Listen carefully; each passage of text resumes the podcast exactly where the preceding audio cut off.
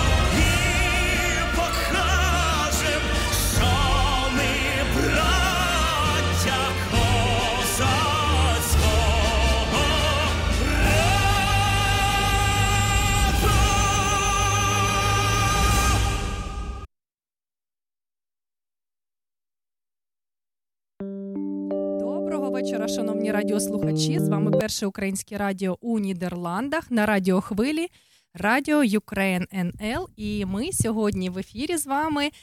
Я Олена Зашивайко і моя колега Тетяна Пономарьова. Привіт! Привіт усім! Привіт усім! Танечко, розкажи, як твої справи? Е, Дякую, Олена. Дуже добре. Е, Вихідні були досить насичені е, і. Маємо що цікаве розповісти про культурні події, які відбулися. Да, цього тижня дуже дуже насичена програма була у Нідерландах, тому що до саме до Амстердаму і до Денхаг завітав гурт танок на майдані Конго. Вони Амстердаму і Напередодні був напередодні концерт, у Денга... да, у Денгазі, і о, у неділю у Амстердамі ми з тобою бачилися і так, за Єзланою. цікавому І це дійсно гарні новини, тому що хлопці їздять за 11 днів. Це був 11-й концерт. Вони е, з такою благодійною місією. Збирають кошти для хлопців з ЗСУ, і деякі з них зараз знаходяться саме на передовій і захищають нашу країну. І мені дуже сподобалось, сподобалося те, що ну, понад 4 тисячі євро вдалося зібрати. Це тільки те, що ми бачили. Так це круто, так, це дуже круто. Дійсно. Тому що були розіграні а, акулелі, а, е, які були були придбані глядачами за більш ніж за 1200 євро, да, і за 1400. Так, мені здається, так, був прапор. Прапор та дві акулелі, і також е, такі е, невеличкі е, всякі подарунки, там банери, худі, якісь наліпки. Ну, Це дуже добре, тому що ми бачимо, що дійсно. Е, наші зірки їздять Європою і іншими країнами і допомагають українцям українцям у в Україні і нашим захисникам. А також ще дуже важлива подія це у такий тяжкий дуже для України день, коли Росія обстрілювала нашу країну ракетами більш ніж понеділок. Так, це було дуже жахливо. Дуже жахливі події. І в цей день е, був концерт Монатіка. Дмитро виступав у сцені на у Газі було дуже багато людей. Так, ти була там. Да, я розкажи, я будь була, ласка, це було дуже зворушливо. Ти знаєш, такі двоякі почуття спочатку були на початку концерту, тому що ти розумієш, що сьогодні летіли летіли ракети на нашу країну, а ти стоїш і просто там на якомусь концерті і розумієш, що ти будеш слухати музику. Але коли розпочався концерт, і Дмитро так щиро розповідав про ті події, що відбувалися, і він підтримує завжди нашу армію. І, до речі, я вже після того, як відбувся концерт, зайшла на їхню офіційну сторінку і е, ознайомилася з інформацією. І саме 4 жовтня команда Монатік задонатила 200 тисяч гривень на придбання карет швидкої допомоги. Тож ми розуміємо, що ці всі концерти вони не проходять просто так, і що зірки збирають кошти для того, щоб допомогти нашій країні. Танюш, давай нагадаємо, що сьогодні, 12 жовтня 2022 року, це середа, і це 232-й день війни Росії проти України. І до Нового року залишилось лише 80 днів. І кожного ефіру ми будемо нагадувати нашим слухачам, що війна в Україні триває, і Україна зараз, е, як ніколи, потребує ще більшої допомоги. І також, як каже наш президент Володимир Зеленський, ми ніколи не забудемо кожного і кожного, хто борониться за Україну, хто віддав за неї своє життя. І наша пам'ять це не все, що в нас є. Наша незалежність, яку ми збережемо і передамо нашим дітям і онукам, наша перемога, яка обов'язково буде, стануть найкращим ушануванням пам'яті всіх, хто загинув у цій війні. Друзі, і давайте вшануємо всіх наших захисників наступною піснею.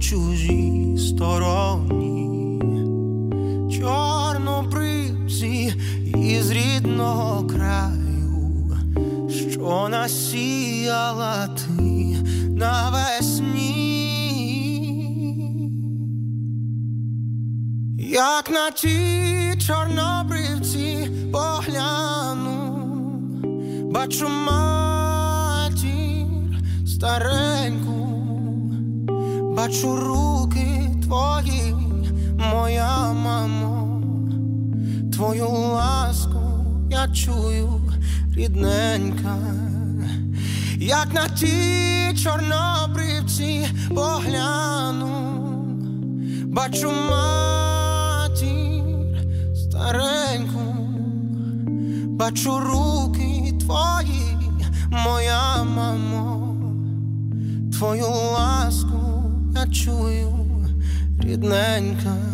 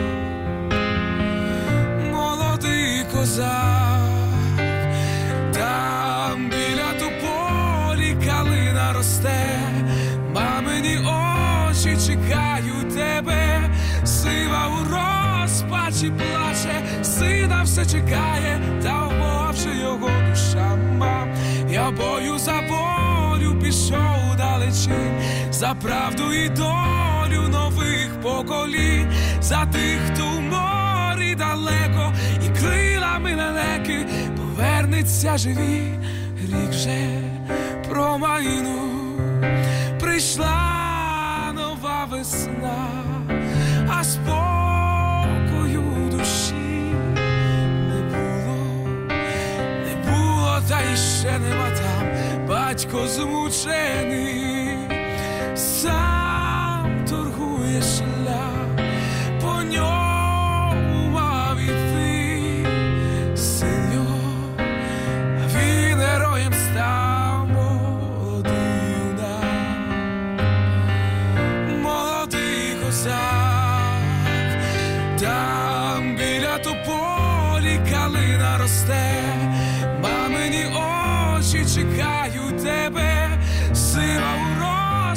ночі плаче, сина все чекає, та Боже його душа мам.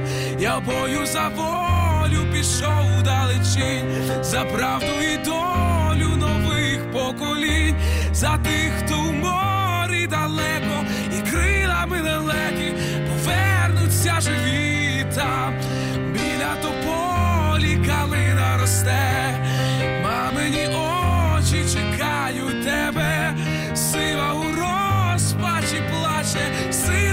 чекає, та Боже його душа мав, я бою за волю пішов далечінь, за правду і долю нових поколінь, за тих, хто у морі далеко, і крилами лелеки повернуться живі.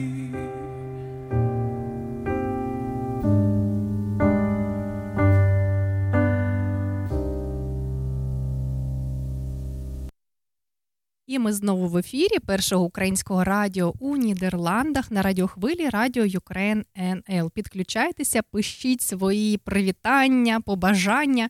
І нагадуємо, що сьогодні у нас е, в гостях в нашій студії приїхала до нас до студії така дуже чарівна, гарна дівчина на ім'я Марина Донська. Це фотограф, режисер, творча душа, спостерігач та транслятор життя. Марія Мариночко, привіт! Привіт, привіт. Дякую величезно, що запросила. Дуже приємно мені було. Е, ти знаєш, коли я побачила твій пост у Фейсбуці, то чомусь він так мене зачепив, і я просто не змогла пройти повз. Тому що дійсно і роботи дуже чудові фотографії, і саме написання тексту було дуже щирим. І мені дуже захотілося з тобою познайомитися ближче і дійсно познайомити наших радіослухачів з твоєю творчістю. Розкажи трішечки про себе, чим ти займалася в Україні? Дякую, дуже приємно. А, Так, дуже незвична зараз в мене тут е, роль. В Україні я займалася, я взагалі режисер телебачення і працювала там 15 років на різних великих каналах. І так, взагалі завжди була за кадром. Це були великі шоу. X-Factor, е, Україна має талант, танцюють всі такі великі форматні проекти. А потім, коли почалась е, вже війна, мені довелось змінити напрямок. І ну, така дуже велика пристрасть в моєму житті це фотографія. І я з маленьких е, років фотографую, але це було просто хобі. Я ніколи не думала, що це може перетворитись на справжню професію. Я не можу сказати, що я про це не мріяла. Я ще, ну, коли була в Києві, а, намагалась так стати більш вільним художником, митцем. Мені дуже хотілося якось, а, мабуть, даже навіть е, покинути телебачення, бо мені в якийсь час здавалося, що це ну, ми робимо такий гамбургер, як в Макдональдсі. Sorry за рекламу, але все одноманітне, все одне те саме, все за схемою, все ну, наче немає тебе в цьому. І мені дуже хотілося е, робити щось, де буду я, і де буде моє обличчя. Але в Києві в мене було завжди дуже багато роботи, багато проєктів. Можна сказати, що то відмазка, якщо хочеш. І не було часу, так, на свою мрію. Так, але ну, це неправильно так казати. Мабуть, я просто була не впевнена е, в чомусь. А коли вже так би мовити, переперло, якщо так сказати, так, то ну, я так роздивилась і почала фотографувати. І якось воно дуже швидко набуло обертів гарних. Марин, ти знаєш, мені здається, що дійсно у Нідерландах виповнюються мрії дитинства, тому що наша Тетяна вона так, я підтверджую так, це. вона з дитинства мріяла працювати на радіо, і ну дійсно мрії здійснюються. Ти мріяла працювати е, не то, що працювати, а мати справу з фотографією, займатися. займатися. Фотографією. Да, і ти це, бачиш, це мрія збулась.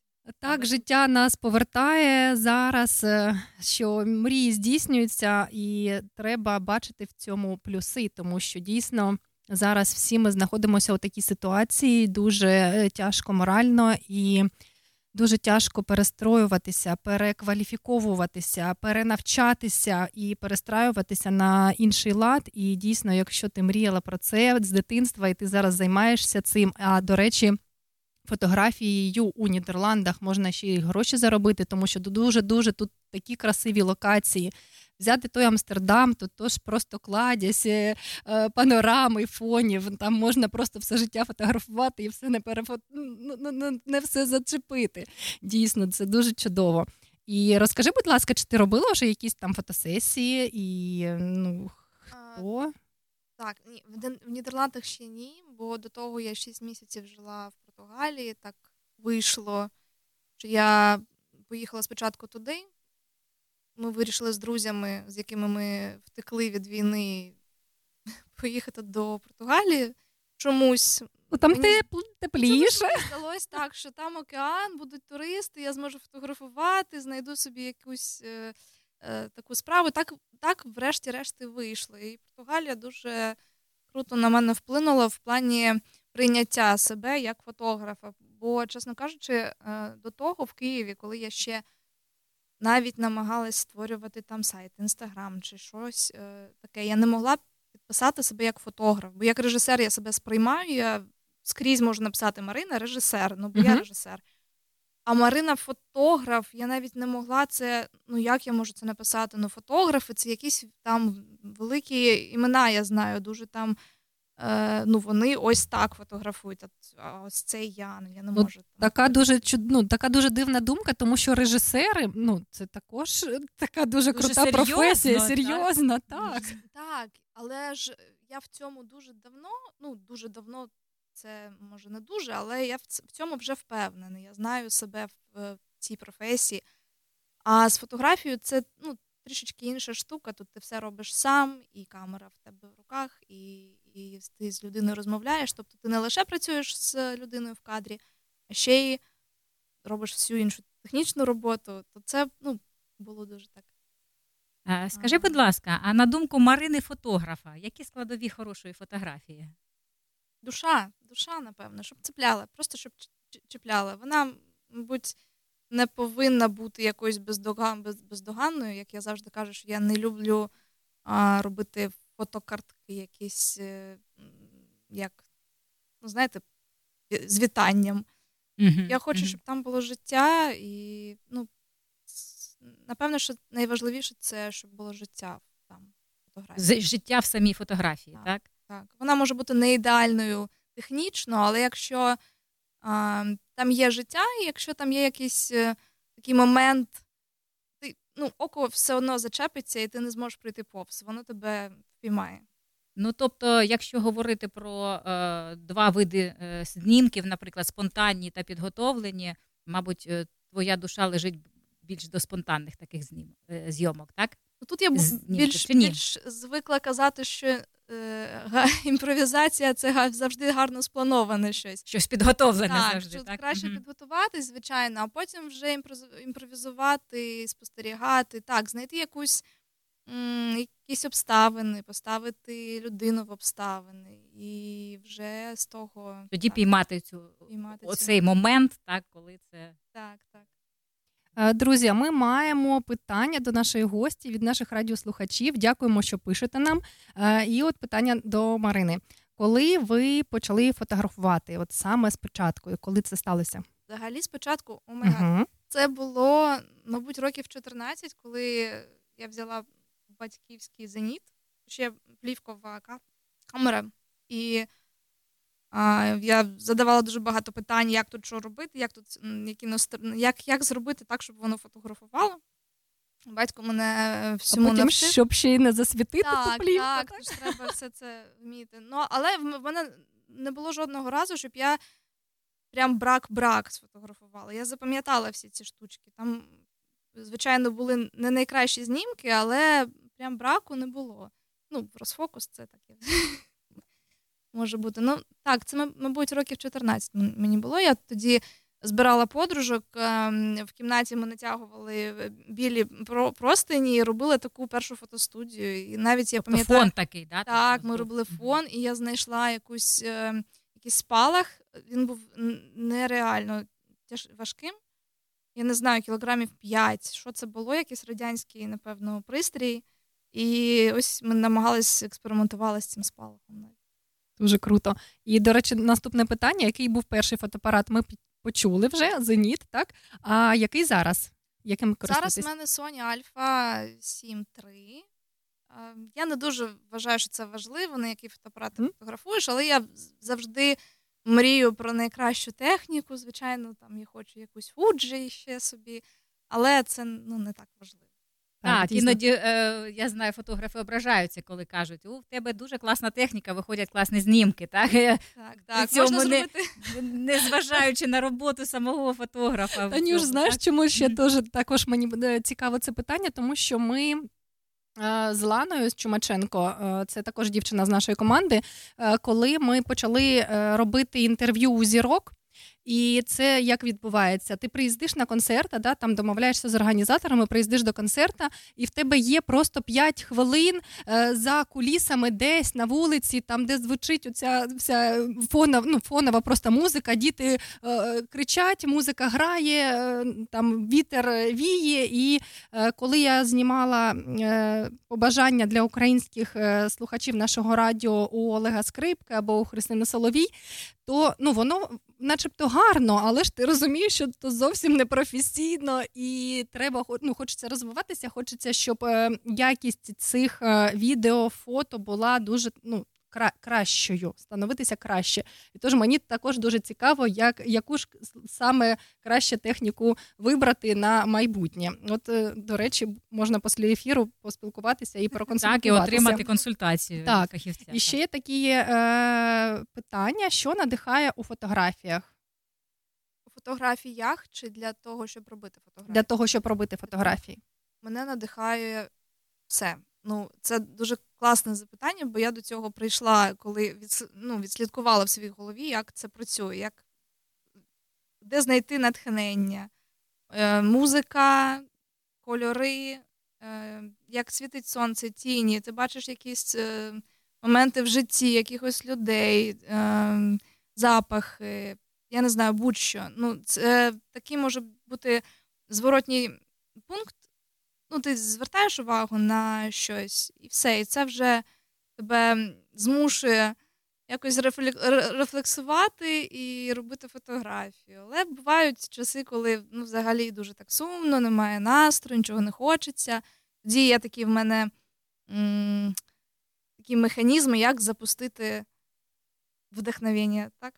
І я ну, просто йду гуляти. Я дуже багато гуляю кожного дня. В мене така звичка. Я беру каву, навушники, музика, і я гуляю і спостерігаю. Дуже дуже полюбляю музеї ще. А, Марин, скажи, а яке найкрасивіше місце, е, де ти була? Україна. Вся, вся, вся, вся. прямо вся цілком. Так? так. Можливо, щось таке до серця ближче, ось там ти відчуваєш, що це, це, це ось твоє місце, яке надихає. Ох, блін. Я дуже люблю. Ну, Україна це до серця зараз найближче, але напевно, що для мене дуже важлива вода скрізь. Океан, море, будь-як, будь-яка вода біля каналу, озеро в Україні. У мене там було, було улюблене озеро в Бобриці під Києвом.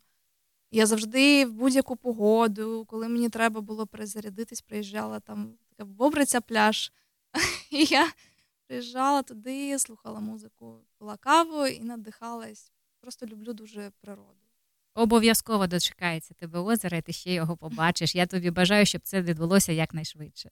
Дякую. Так, а у нас ще є питання. Тут нам написали дуже так багато Ось багатенько, питань, багатенько так. питань, да, тому що дійсно така дуже класна е, тема, і дуже цікаво, як можна, ну як з режисера людина перекваліфікувалася у таку твор, творчу натуру, можна сказати. Да? І от саме а що фотографувати тяжче? Пейзажі, якісь абстракції, дітей або ще щось? Для мене Угу. мені важко, я не можу сказати, що є, це, це все ж таки залежить від стану якогось емоційного, внутрішнього. Якщо ти бачиш щось, ось воно зараз, ти просто береш і фотографуєш. А, але є така штука, я в, в мене- було дуже багато клієнтів, ну для мене це дуже багато, для фотографів взагалі може і ні. Але м, я е, sorry, що довго формулюю думку.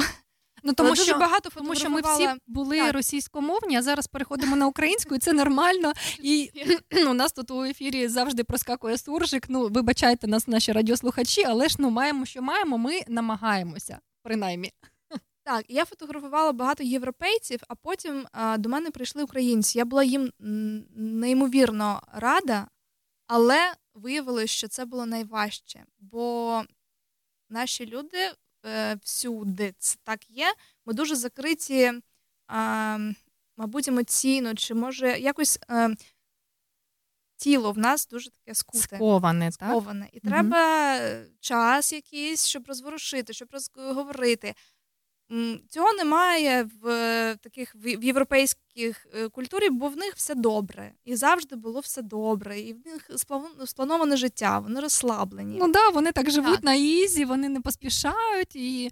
е, Навіть там домовитися про якусь зустріч треба там за тиждень писати, тому що ну а навіщо паритися там і сьогодні там щось так, там е, все поспішати, так. так і все, да, я так підтримую. Так, Є таке, так є таке. Так. Є такі спостереження. А так, взагалі, ну, я не думаю, що є якась різниця між тим, пейзаж це буде чи людина. Просто Є ще таке дуже цікаве питання, а, інтимне, може навіть. Чи робили ви фотосесію ню і чи приймали участь у ній? А, я е, робила так. Ми з подр... подружка, з якою ми втекли з, е, з підвалу. Я так це називаю підвальна подружка. Вона в мене так і записана в телефоні Настя Побіг. А, так, звичайно, ми фотографували її. Ну, але це так було прикрито, цікаво. Я е, дуже люблю, щоб було якось недоговорено, якось не все видно. І так. Але е, такого запросу поки що ну, на постійній основі в мене немає. Я не дуже впевнена в тому, що я а, прямо таки. Мені здається, що це така профорієнтація. Хтось бачить голе тіло настільки красиво, як арт-об'єкт, і досить круто виходить це передавати. Я більш а, бачу людей. Я дуже люблю дівчаток фотографувати, щоб вони були красиві, живі, але в русі в якомусь, але це такий більше life, lifestyle. Я так зрозуміла, що е, це було е, нове для вас, так? Захоплення і е, оцього, цей вид фотографії це було щось нове. Це було як продовження. Я не думаю, так? що це нове. Просто ну, ти береш, роздягаєш людину і крутиш її там по всякому. І так, ну так, стань, так, а ну просто пробіжись. А ну там прикривайся, але не дуже. Але ну, ти, я не знаю, як це сказати. Просто продовження е, теми це теж цікаво. Так. Круто, дівчатка. Я пропоную перейти до музичної паузи, як ви вважаєте, і потім повернутися до нашої розмови. Добре, звичайно. Раз? Хвилями у морі несе течія, в незнаній просторі забува своє ім'я, важко уявити, що тебе нема, я так хочу жити,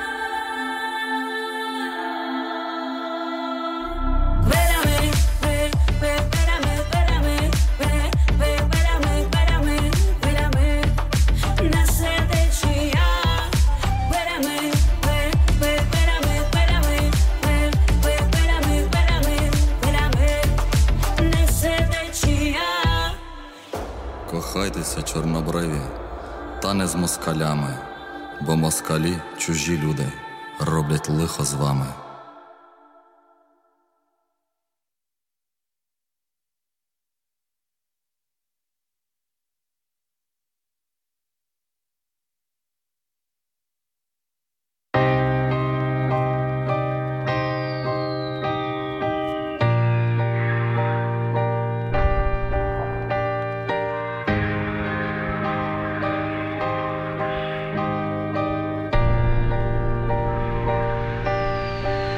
Доню, ти спи, спи солодко, скажеш потім, як у своїм сні бачила дім, там, як завжди, рідні були всі, а за вікном він тече і знов розквітне вся наша земля. Тато, тато, мені страшно. Почалась війна. Ні, мала, не бійся, то гримить гроза. Бабусі сказала, що по нам летить. Знаєш нашу маму, вона завжди тремтить. Пішли додому, я замерзла. Це погана гра. Донь, заплющи очі, тобі спать пора. Я не можу спати, поки грім гримить. Зараз все затихне, ще чекаємо мить. Тато, я відкрию очі, де ж мій сюрприз? Ні, моя мала красуня, подивись ще вниз. Тато, я не хочу їхати, ти будеш ти. Ми з твоїм хрещеним батьком мені помогти. Мама нам сьогодні каже, що на фронті ти. Як завжди вона жартує, чи не бачиш ти? Мені вчора мені снились страшні сни. Мила, скоро повернуся, обійму вночі. Спи, спи солодко, скажеш потім, як у своїм сні. Бачу один, там як завжди рідні вулиці, а за вікном він тече і знов розквітне вся наша земля. Доню ти спи, спи солодко, скажеш потім, як у своїм сні. Бачила дім.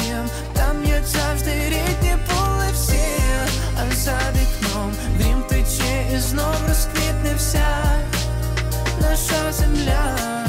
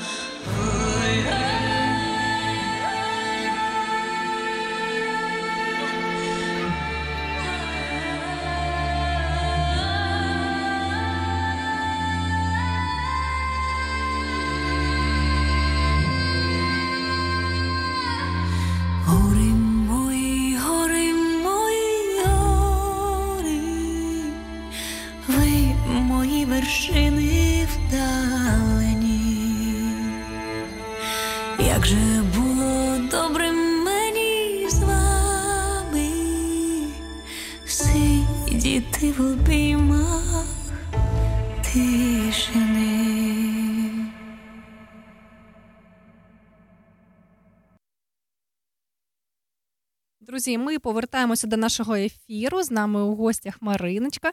А, ну, розкажи, розкажи, будь ласка, я знаю, що тебе сьогодні слухають наші, е, точніше, твої е, рідні, чоловік, батьки. Так, може, ти хочеш привітатись чи Так, щось всім привіт. чи щось побажати, тому що я ж розумію, як це. Так, це дуже сумно, бо з чоловіком ми не бачились вже майже 8 місяців. А, і це неймовірно складно важко. Ми ніколи так надовго не розлучалися. Дуже багато етапів я пройшла в своїй голові. Емоційно, ну, дуже важко. Так, тому привіт, привіт. Я тебе дуже кохаю. Боже, як це мило. Е, Ми зі свого боку також передаємо вітання і хочемо сказати, що у вас просто чарівна дружина, сильна, смілива, молодець, тому що, ви знаєте, піти на зустріч своїй мрії, ну, це дуже таке, такий крок, дуже класний, молодець. Марин, ну згадали про родину, не можу не спитати. А чи є якась сімейна традиція е, у родині? Е, Можливо, зараз це можна якось відтворити, знаходячись е, у різних країнах, я так зрозумію, з чоловіком, ви так? А, ну, така основна сімейна традиція це те, що ми на Новий рік збираємось всі разом. І я дуже. Ну, я зараз буду плакати, бо я дуже хочу, щоб це стало можливим. Так, ну Марин, ми е, від щирого серця, від всієї душі е, бажаємо, щоб ця сімейна традиція в цьому році була таки збережена і всі зібралися разом. Ці родини е, зібралися разом на новий І рік. Танюші, наші також родини. І наші зібрали. також, всі, всі родини, так родини. я Так. кажу, всі родини зібрались разом. Так. Дівчатка, в нас ще є питання від наших радіослухачів, і таке так воно звучить. Про що мріє фотограф в професійному плані? Які взагалі в мрії в Марини, як у фотографа? Дуже цікаве питання. У мене колись це була не мрія, але це було дуже велике бажання, щоб я була прийнятою не тільки глядачами, ну, тими людьми, там, клієнтами, кому я роблю фотосесії, а ще й професіоналами.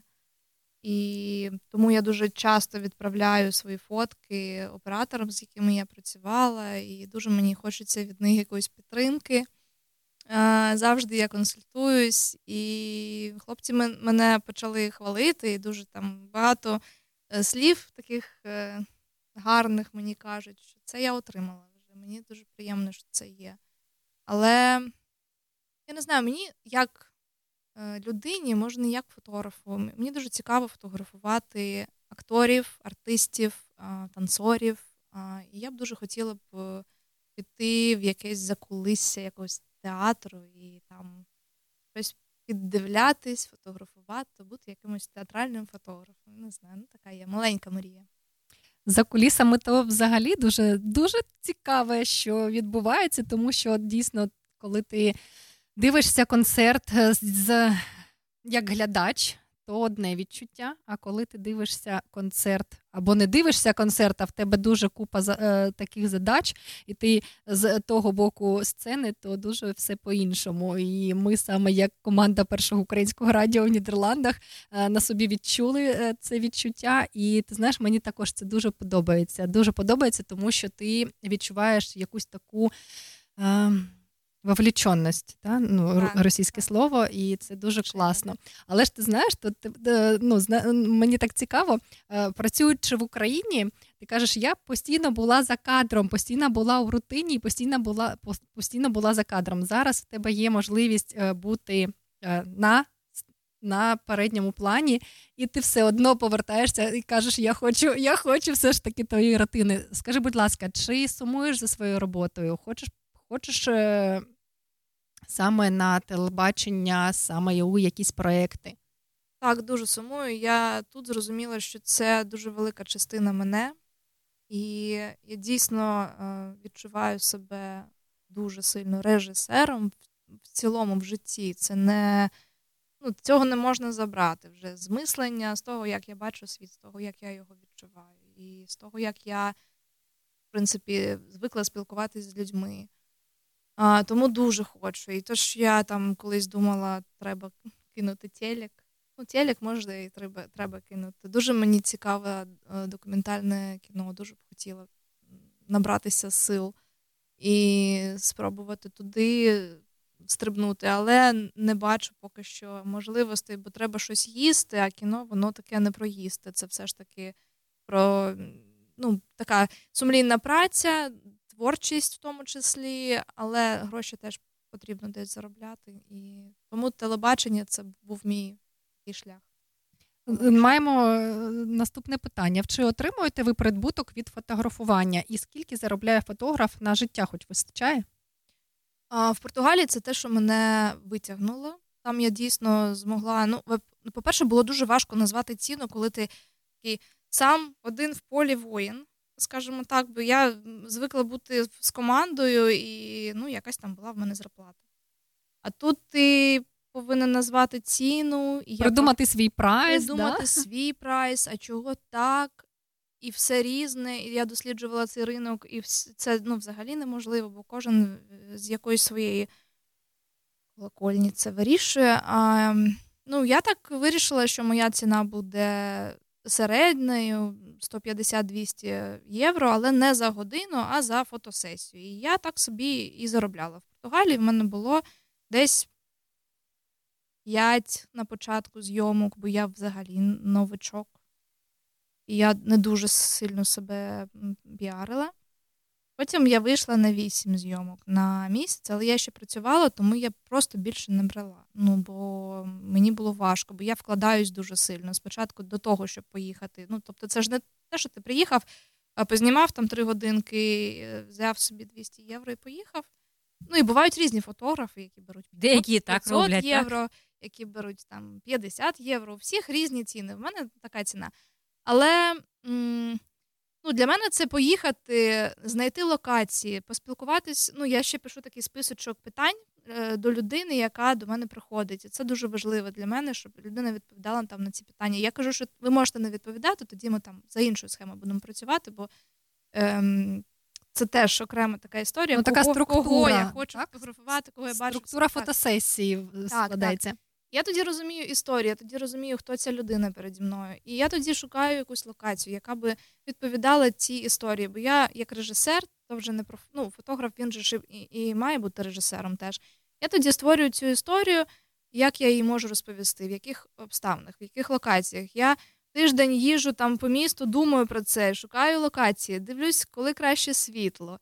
І потім Слухай, вже ну, ми... такий індивідуальний підхід ну, у так, тебе до кожної так... фотосесії, стільки роботи, навіть не могла подумати. Це так, так, так, це так є. І потім ми ще ну, спілкуємось протягом цього тижня, підбираємо якийсь одяг, е, думаємо, що нам краще, і зрешті решт зустрічаємось, робимо фотки. І потім ще є стадія, коли я їх обробляю. Це не дуже довго, бо я не дуже люблю там фотошопити. Я роблю е, цвітокорекцію і все, і віддаю фотки. Супер клас. Ну, те, що те, що ми сьогодні почули, мені ж е, аж захотілося таку собі індивідуальну фотосесію. Я на я 100% приход, да, прийду до тебе.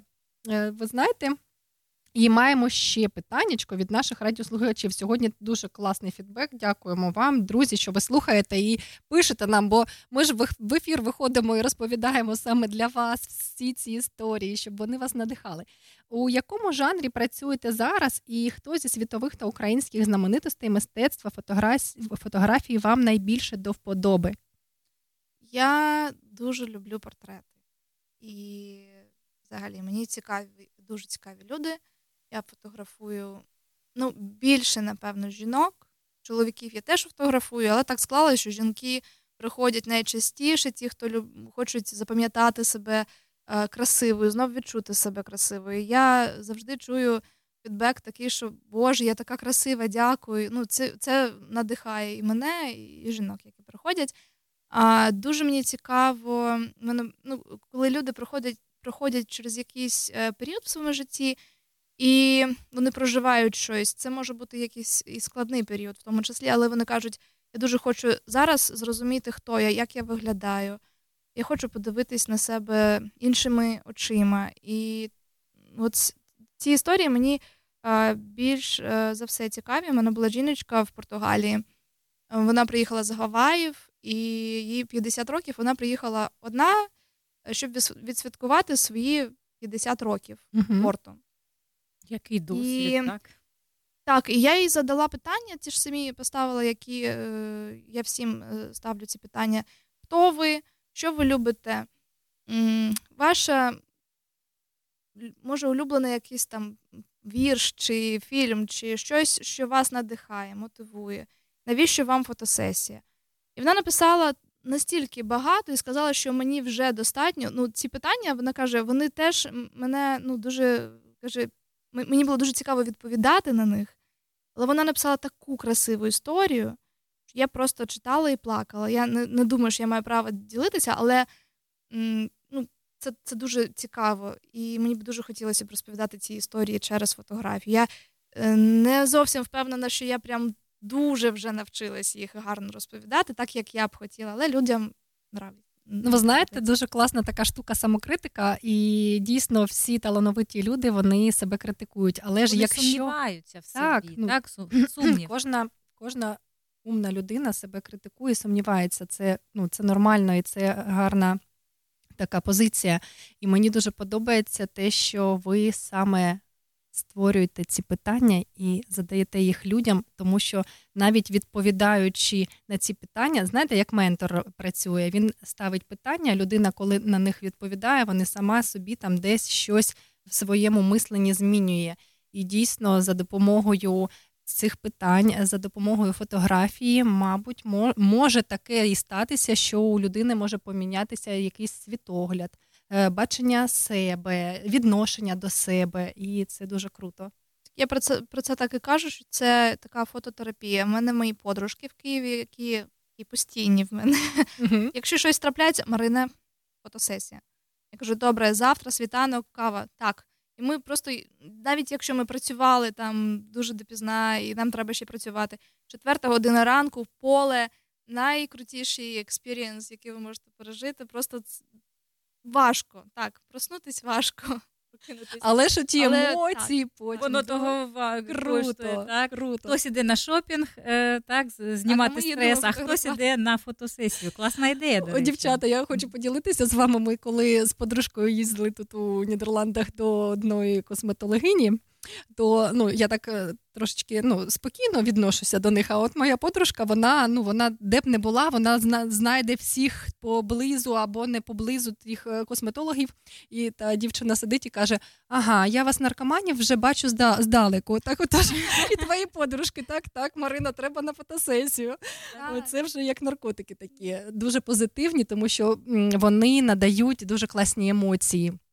Дякую, дякую за ваш е, досвід, за те, що ви робите, і дійсно надихаєте людей е, на такі дуже цікаві міркування, мабуть, та і, і, це усвідомлення, ж, усвідомлення, мабуть, так, тому що фотографія це ж те, що залишається з нами на роки. І от той момент е, ми можемо як згадувати через 15 років, так? Ми дивимося на фотографію, і ти і ти пам'ятаєш, що відбувалося у цей день. Тому Ці що емоції, які так. відчував, так, е, яка була погода, і все, все, все. І ви знаєте, теж так, так класно. От ми. Е, Буквально на тому тижні я отримала повідомлення. Ну, коли починала постити оці всі про радіо, там е, світлини, фотографії, все. Я отримала повідомлення від хлопця. Він з нашого міста і каже: О, привіт! Я там тебе знаю ще там з дитинства. А я думаю, ну хто це? Ну, ну мені так було незручно. Думаю, ну хто це? Ну думаю, ну привіт, ну класно, ну давай спілкуватися там. ну Кажу, а ти не маєш, ну я дивлюсь по аватарці, ну я не розумію, що це за людина. А кажу, а ти не маєш якісь там фотки там, ну, з дитинства, щоб я зрозуміла, хто ну, хто ти є. І коли е, я бачу світлину, які там вже 20 років, кажу: А, та привіт, друже! Ну я тепер зрозуміла, хто ти. І от дійсно, коли ми бачимо фотографії, котрі нам зробили там 10 е, років, 20 років тому. А зараз Марина створює фотографії, і люди будуть їх дивитися у майбутньому. І саме у ці емоції, да, там е, поїхати у 4 ранку на поле, тому що ну це ж прикольно з дівч... з дівчатами поїхати кави попити. Ну круто, є так. що згадати. Так, так, Мариночка, я дуже задоволена, що ми з тобою познайомилися і обов'язково за. Дуже хочу, дуже хочу фотосесію. А контакти, всі контакти Марини, ми скинемо у наш телеграм-канал і наші радіослухачі також можуть мати таку змогу записатися на фотосесію. Так? Дякую, буду дуже рада. Дівчатка, пропоную переходити до музичної паузи.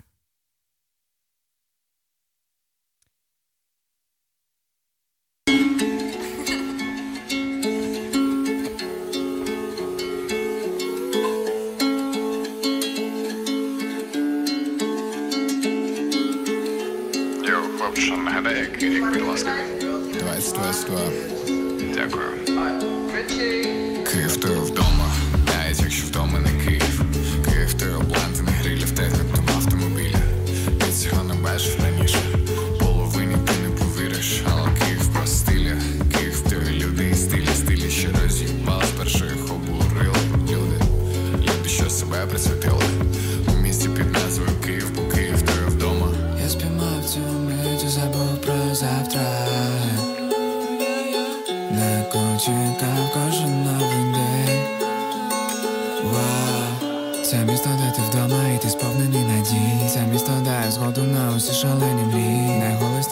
Емпатії, коли на самоті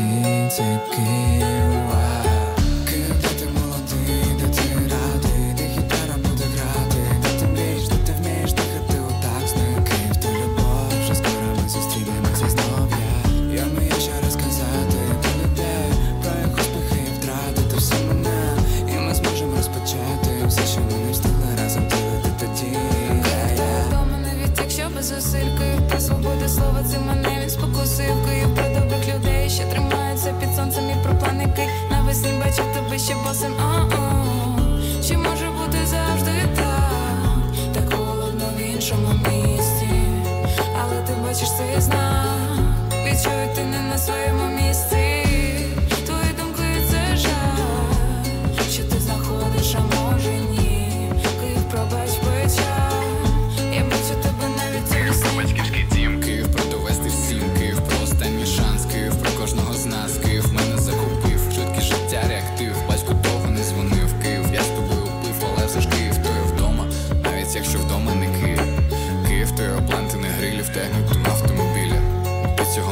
вау розкриває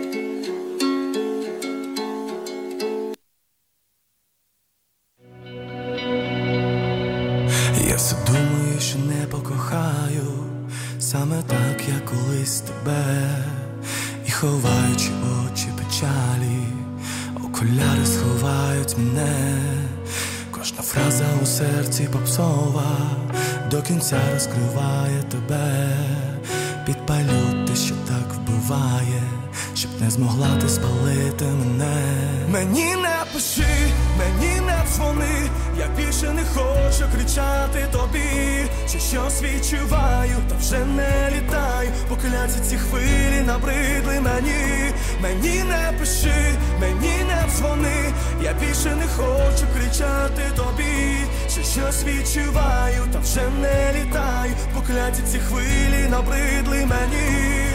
Слухай, серцем я благав тебе завжди, а ти слухала не чула мене, що продовжити дихати вільно, перейду я з тобою на ви і чекаєш і на чергову крапку, свою кому ти для інших залиш. Ти не хочеш, вже не благаю, повертаю всю рідну я ніч. Мені не пиши, мені не дзвони, я більше не хочу кричати тобі. Чи щось відчуваю, то вже не літай, покляті ці хвилі.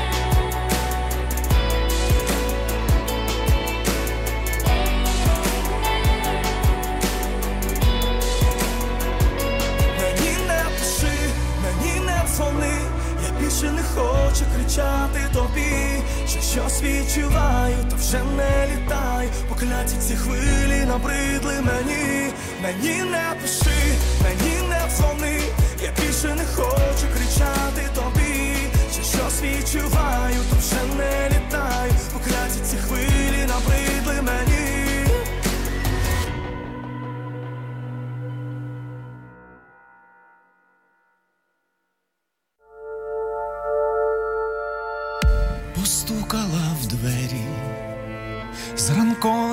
ранковим і рвалась копила, тримає,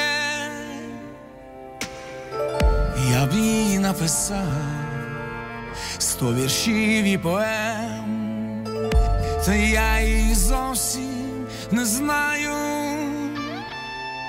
Ні міста її, ні щоденних доріг ні друзів, ні рідних, нікого. Я взяв якби тільки б міг, приклав би до серця до свого. У очі твої, і я закохався,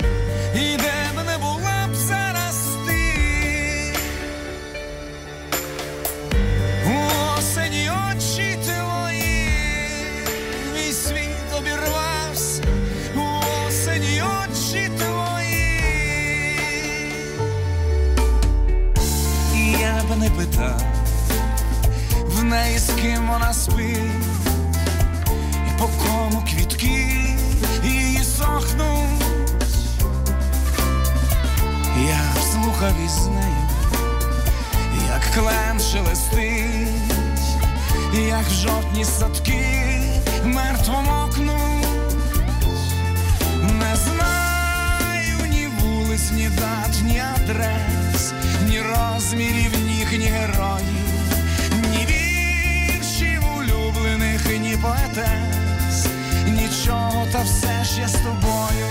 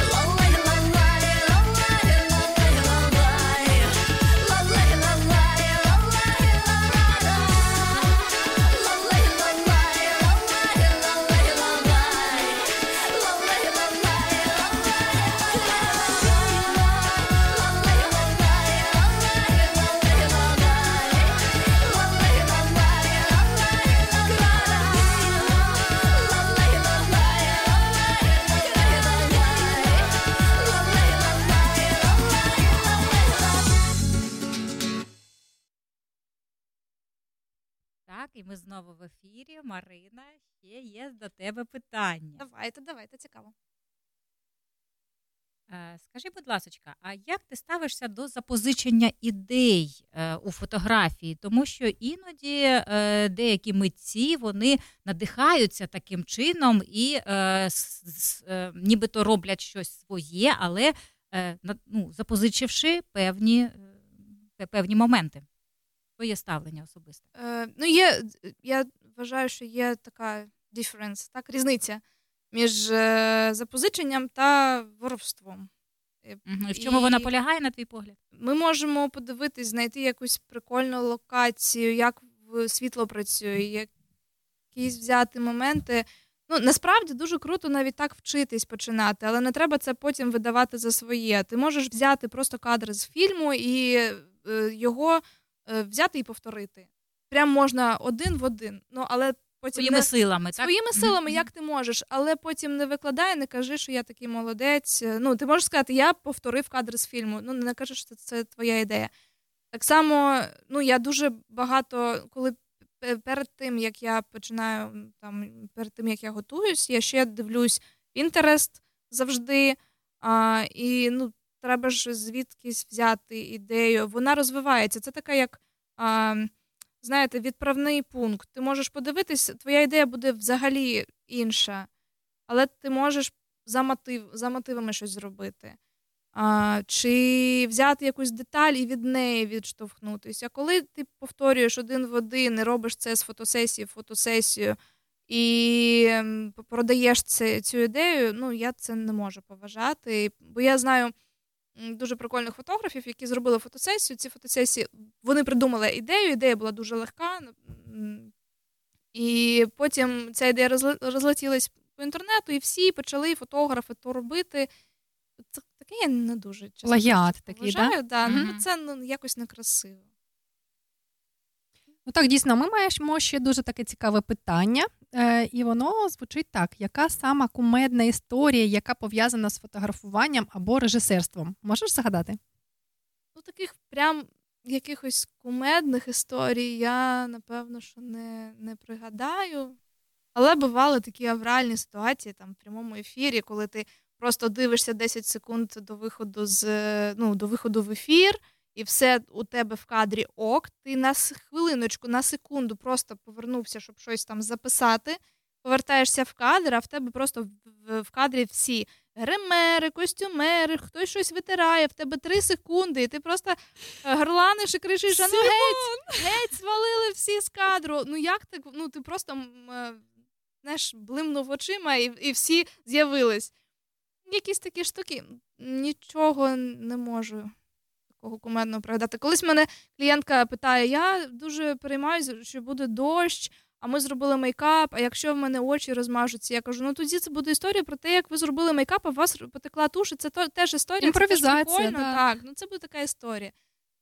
Не знаю, більше так. Ну, взагалі, прямі ефіри то дуже така сама, сама ситуація така кумедна, тому що ми з Тетяною також мали дуже Певний таку, досвід, Певний так. досвід. Так, перший день, коли Тетяна приїхала до нашої студії, у нас тут був ще один е, ведучий Сергій. Він вже тут не працює, і щось сталося. У нас була програма з психологинею. Ну, і щось пішло не по плану, і ну, наші радіослухачі почули, що ми дійсно у прямому ефірі, а не то не запис, і то, ну, то дійсно прямий ефір. Ну, да, буває таке все. Це все ж це життя, і ми всі люди, і да, дійсно, прямі ефіри то така імпровізація. І дуже класно. Ти знаєш, зараз, коли я навчаюся у цій школі Медіастар, нас вчать, як правильно виходити з тих е, ситуацій, щоб слухач навіть не зрозумів, що відбувається. Ну, Нібито або... так і було задумано. Да, так, да, робимо вид, що так і було задумано. Да, ну, це дуже цікава така. Типу, упал, а теж місяць. так, так. Або, або зараз, або позуй, і наче тебе будуть фотографувати. Ну так, дуже кумедно. У мене ще одне питання є до Марини. Марин, Ми прям за, сьогодні запуляли Марину питаннями. Ну, якщо- Пробач, будь якщо ласка. можна, Може, можна, так можна? круто. Звичайно, мені дуже цікаво це. Е, ну, Скажіть, будь ласка, а чи дратує фотографа, якщо е, люди беруть фотографію і накладають фільтри інстаграму, і потім викладають це на свою Дуже. сторінку? Дуже. Мені здається, що це всіх фотографів дратує, бо ти е, якось це бачив, обробляв цю фотку. Але знаєте, я вчилась в такій, в такій школі, де сказали, що якщо вашу фотографію обробляють після, то, мабуть, то не дуже гарна фотографія. Ну, але бувають всякі штуки, люди так бачать. Так, я художник, я так бачу, так? Ну, тобто, Мгм. А такі випадки були, так? а, мож, можливо, були, але давно. Я хочу сказати, тоді, коли я ще в Києві була. А зараз я ну, не помічала, правда. Не роблять вже такого, так? Знаю. Може, може, я просто не бачила, бо я не слідкую так уважно. свідомість з'являється. Ти знаєш, мабуть, у людей з'являється свідомість, що дійсно оці фільтри. Е, І оці вії, або там зайчики, кролики, що там ще накладають на Омолодження себе, ж таке омолодження, є, та, так, так, так. то вже ну, взагалі якась така нездорова історія. І дійсно, ми гарні, всі, всі люди гарні, навіть е, ті, у котрих там якісь е, ну, шрами чи ще щось, ну якісь е, чи як це правильно сказати, так? Ну, всі люди гарні, просто правильно. е, Гарний фотограф знає, з якого ракурсу зробити фотку, щоб не потрібно було накладати ті фільтри. І, і дійсно, коли ти дивишся на ту фотографію, то просто щось неймовірне. Дякую, Мариночко, дякую дуже, що ти прийшла сьогодні до нашої студії. Дякую вам величезно, що покликали. Розкажи, будь ласка, хто нас слухає сьогодні з твоїх рідних, і можливо, ти передаш вітання. Так, І яку сьогодні- пісню ми послухаємо саме для твоїх Сьогодні слухають мої рідних? батьки, мене і чоловік, і свекруха, я сподіваюся, що слухають. Галя, привіт. І хочу, так, напевно, пісню про маму для батьків. Було б круто. Дякуємо. Дякую. Дякуємо. Я завжди мріяв написати пісню про маму, але різні поети всі слова вже сказали, і я не хотів повторити когось із них. Я біля своєї мами буду завжди маленьким, і як тільки покличе, прибіжу написав ці слова, як міг. Мам, ти мене вибач, що я став дорослим, і вже минула сорок третя осінь, як я побачив перший раз свій дім. Мам, а можна я до тебе завтра приїду, і ми на кухні не одну годину собі на різні теми посидим. Я може трохи пізно став її розуміти, і не часто дарував на день народження квіти. І були часи, коли я тижнями їй не дзвонив.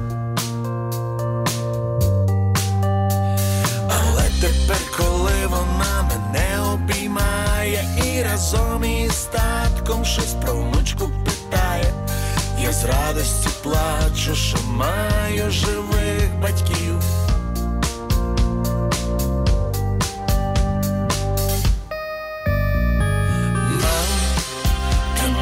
Вибач, що я став дорослим, і вже минула сорок третя осінь, як я побачив перший раз свій дім.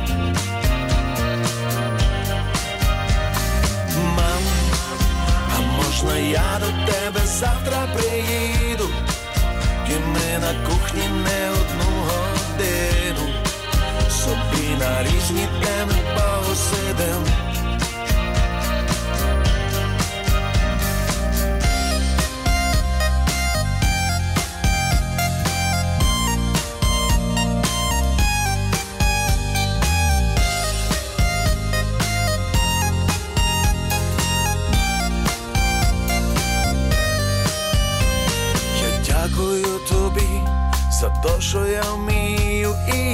Дякую тобі за те, що я розумію, речі, які не пояснюють навіть в книжках. Хай буде біля тебе завжди ангел-хранитель, і я теж десь поряд буду завжди бродити, щоб не міряти наше життя в телефонних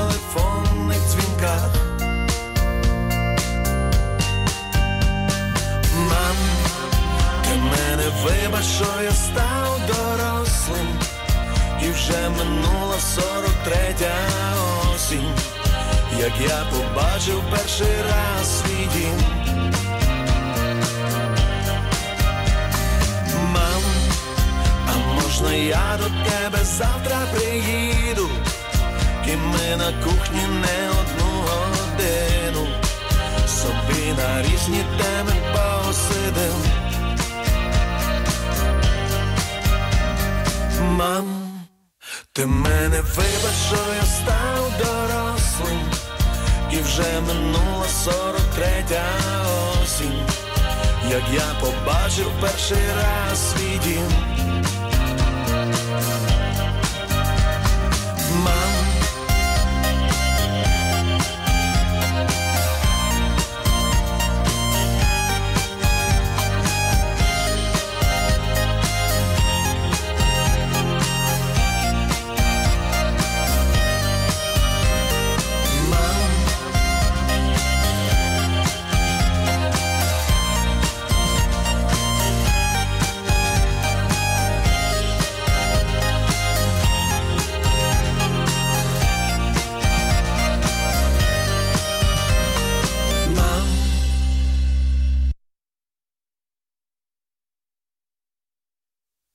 Повзе ліниву човен, і гуркоче, і бурчить. Відки взявся, я не знаю, чим прийдеться закінчить. Хвиля радісно плюскоче, та листиться до чумна, мов дитя цікаво шепче, і розпитує вона. Хто ти човне, що шукаєш, відки і куди пливеш, і за чим туди шукаєш, що пробув, чого ще ждеш, біг мій вічний, тоже не знаю. Пиля носить, буря реве, скали грозять, надять, просять к собі береги. Мене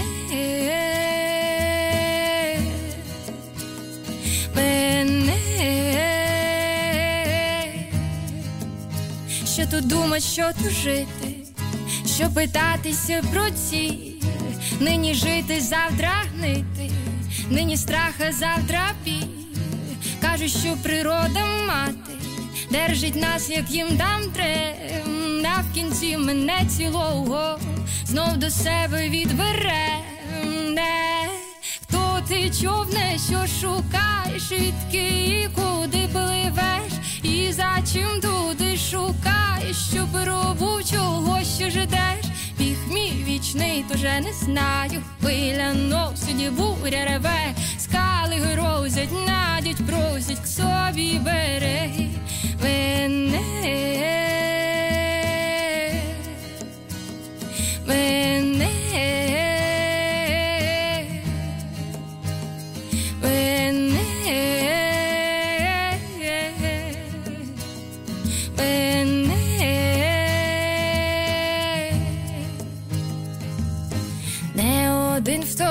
Тут човен, та не кожний же втонув. Хоч би й дев'ять не вернуло, то десятий поверну. А хто знає, може в бурю іменно спасешся ти, може іменно тобі ся десь до цілі доплести. Може, іменно тобі ся вдасть до цілі доплести. Може, іменно тобі ся вдасть до цілі доплести. Може, іменно тобі ся вдасть до цілі доплести. Може, іменно тобі ся вдасть до цілі доплести. Може, іменно тобі ся вдасть до цілі доплести. Може, іменно тобі ся вдасть до цілі доплести. Може, іменно тобі ся вдасть до цілі доплести.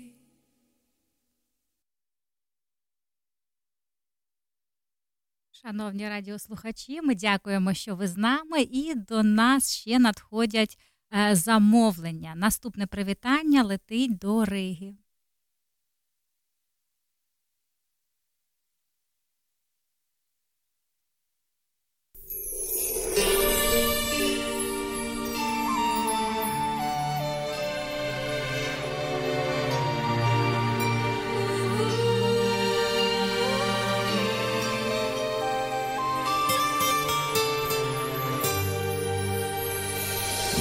Ніч, яка місячна, зоряна ясна, видно, хоч голки збирай.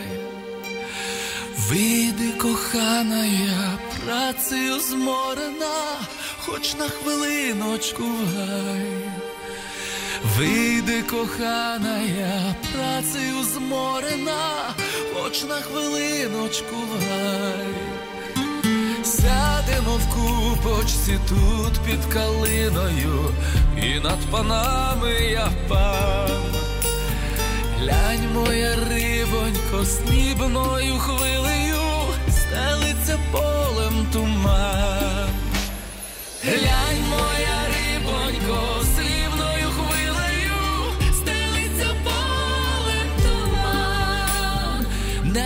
незміряне, всипане зорями, що то за Божа краса, перлами ясними ген під тополями грає краплиста роса.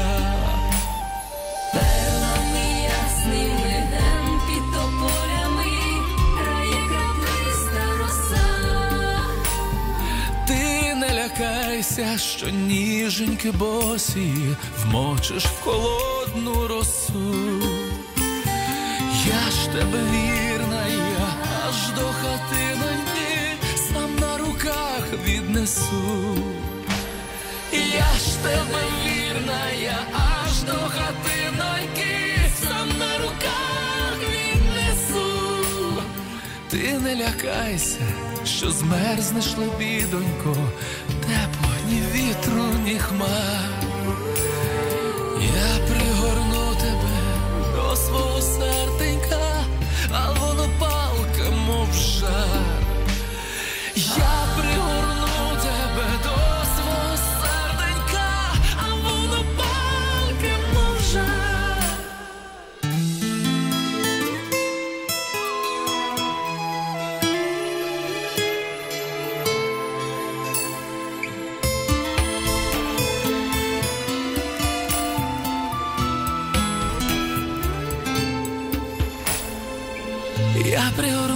тебе до свого серденька, а воно палка, мов жар.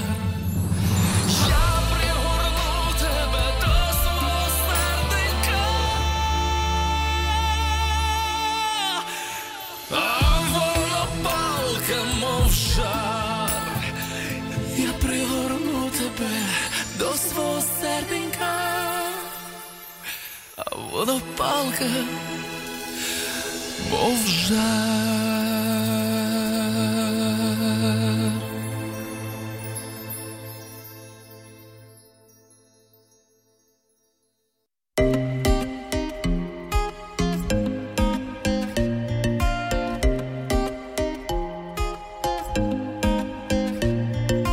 Чуєш дзвін, не знаєш, де він, бо то мій дзвіночок тебе кличе у таночок. Дзвін, дзвін, дзвін, красою тебе, милий затанцюю. Чуєш дзвін, не знаєш, де він, бо то мій дзвіночок тебе кличу та таночок. Дзвін, дзвін, дзвін, приведе тебе у дім, де красою причарую тебе, милий затанцюю.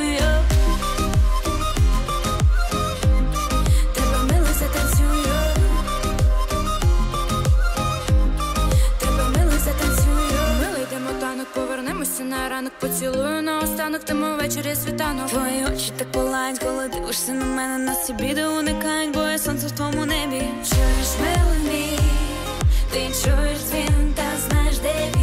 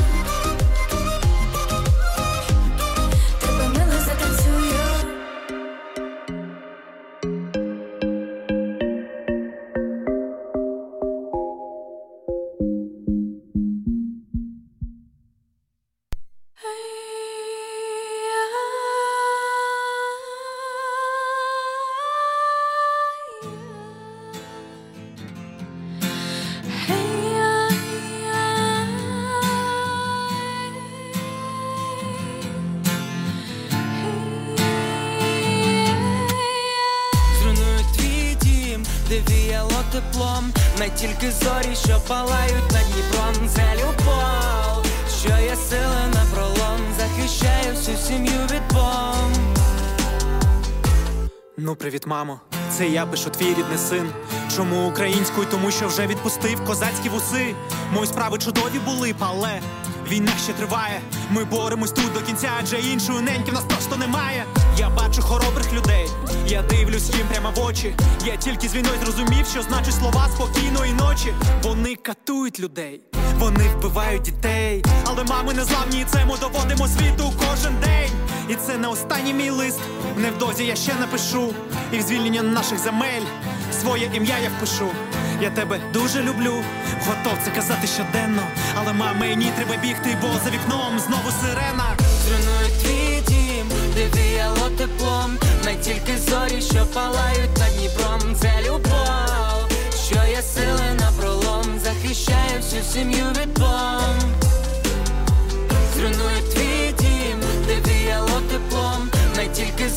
Що палають над Дніпром, це любов, що є сили на пролом, захищає всю сім'ю від бомб. Я знаю, є Бог, і він зараз нас бачить. Я не прошу грошей і навіть якоїсь удачі. Я прошу тільки одне: дай мир Україні. Чуєш, ти мене чуєш? Моїй Україні! Мрії, кохай, роби тільки так. Не бійся, скоро закінчиться жах. Хай мрія летить, як в небо літак. Люба, сховаю тебе від атак. Ми скоро поїдемо в Херсон, а потім за ним. Має тобі обіцяю, це буде наш Крим. І він більше ніколи не буде стояти в сторонці. Він буде розквітати, як лоза на сонці. Він буде розквітати, як лоза на сонці. Він буде розквітати, як лоза на сонці. Твій дім, де віяло теплом, не тільки зорі, що палають над Дніпром, всю сім'ю від бомб. Зруйную твій дім, де віяло теплом, не тільки зорі, що палають над Дніпром, це любов, що є сила на пролом, захищаю всю сім'ю від бомб.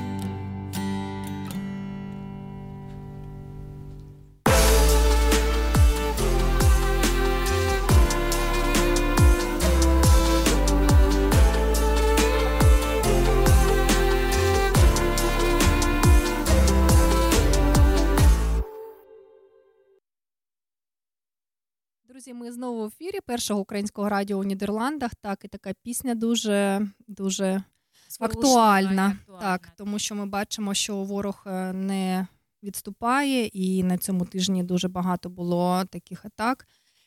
І хочемо сказати, що саме в цей день, у понеділок, е, організатори у Нідерландах е, домовилися з поліцією і організували мирний мітинг у Газі під стінами парламенту, де просто благали про допомогу, надання ППО, ПРО Україні. І ви знаєте, дуже класна новина про те, що е, на- нас все ж таки почули. Так, нас і все-таки є реакція. Танюш, скажи. Є результат. Е, Дивись, Олен, Нідерланди передадуть Україні зенітні ракети на 15 мільйонів євро для посилення захисту неба. Про це е, повідомив міністр оборони Нідерландів е, Кайса Олонгрен. Вона сказала, що єдиний результат, якого досягне Путін, це те, що ми поставлятиме ще більше через такі атаки, атаки, які сталися цими днями. Е, Дякуємо всім, е, хто приєднується на ці мітинги, тому що ми розуміємо, що дійсно нас чують, і це не просто якісь там, знаєте, слова або якісь е, відвідини, котрі можна відвідувати або не відвідувати. Якщо організовуються мітинги, то на них просто ми просто благаємо кожного українця, котрий перебуває зараз у Нідерландах, приєднуватися, приходити і підтримувати нашу країну. І саме Рада правління фундації українців в Нідерландах доводить до відома всіх діаспорян, що в найближчі дні відбуватимуться наступні мірні демонстрації. У п'ятницю, 14 жовтня, на День Покрови і на День захисників України з 17 години до 19 у Амстердамі на площі Дамсквер буде відбуватися такий мірний мітинг. І також у п'ятницю, 14 жовтня, о 17.30 до 19.00 у Haag також відбуватиметься е, цей мирний мітинг міжнародний мітинг на честь Дня захисника України. Ми зберемося всі разом, щоб урочисто подякувати кожному захиснику та захисниці України, вшанувати пам'ять справжніх героїв та нагадати про свою єдність. Дякуємо, друзі, всім, хто долучається до е, цих е, зібрань, хто розказує європейцям, що війна триває і що ми потребуємо допомоги. І в свою чергу, ми, як е, команда першого українського радіо у Нідерландах, офіційно наголошуємо на тому, що відкрили збір на тепловізор для наших захисників. І кошти ви можете відправляти на наші рахунки. Ми всі звіти публікуємо. І вже вже від нашого українського радіо і від е, майстерні Мотанка було придбано від слухачів першого українського радіо. Було придбана рація Моторола, яка коштувала 514 євро. А також 30 кілограм гуманітарної допомоги направлено саме волонтерам в Україну, які передадуть це все нашим хлопцям і дівчатам із ЗСУ. Тож ми допомагаємо кожен чим можемо, кожен на, на кожен на своєму фронті і наближаємо перемогу. Отак от. Так, так зробимо а наш, це разом. А наш ефір вже підходить до кінця, вже так швидко проходять ці дві години. Мені вже мені вже мало цього часу, тому що хочеться. Летить, час летить, ніби тільки прийшли, вже підходить. Вже хочеться вже хочеться більше часу для того, щоб спілкуватися з вами, ділитися інформацією. Так, і що ще? У нас е, були у неділю гурт танок на Майдані Конго, і ми своєю командою зробили такий банер, е, підписали його всіми учасниками групи. І зараз виставили розіграш у нашому телеграм-каналі, де ви можете за певний донат просто приймати участь у тому розіграші і отримати цей подаруночок. Так що приєднуйтеся, допомагайте ЗСУ, тому що ну це дуже важливо. І ми кожного ефіру виходимо для вас і заради вас. Тож е, дуже дякуємо за ваш фідбек, за ваші лайки, привітання.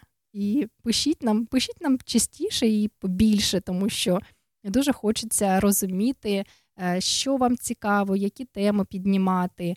І завдяки вашим е, цим вашим побажанням ми будемо і підбирати героїв, гостей нашої програми, і будемо розвиватися і становитися краще саме для вас.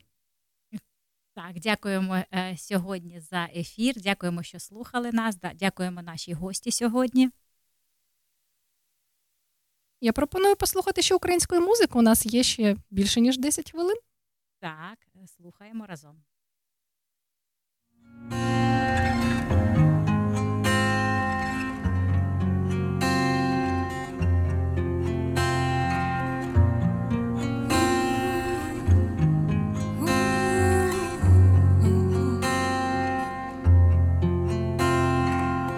Чому мені сниться, як знову і знову гуляєм з тобою по рідному Львову, там пахне весною, і сонце сідає на березі річки, якої немає.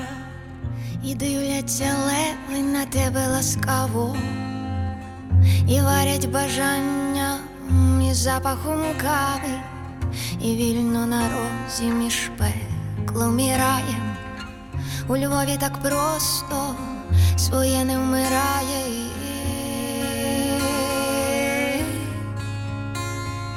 Дихає місто весни моє.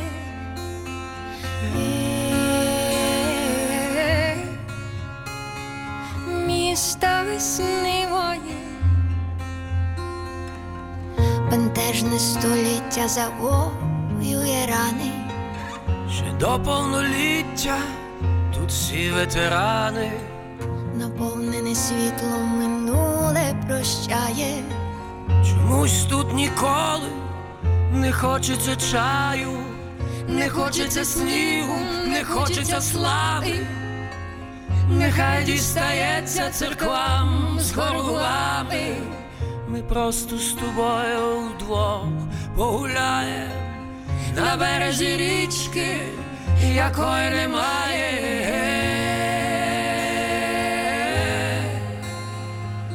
Дихає місто весни моє.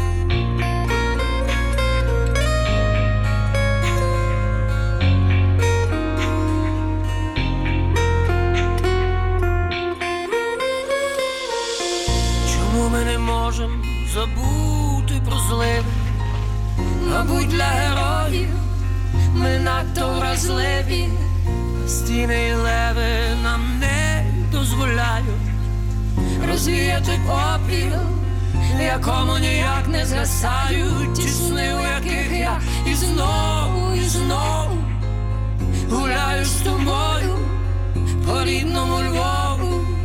Там пахне весною і сонце сідає на березі річки, якої давно вже немає.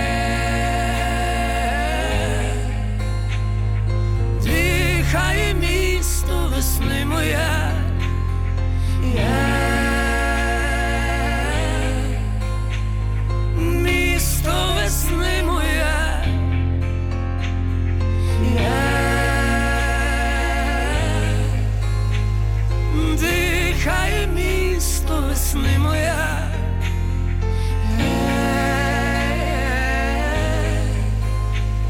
Місто весни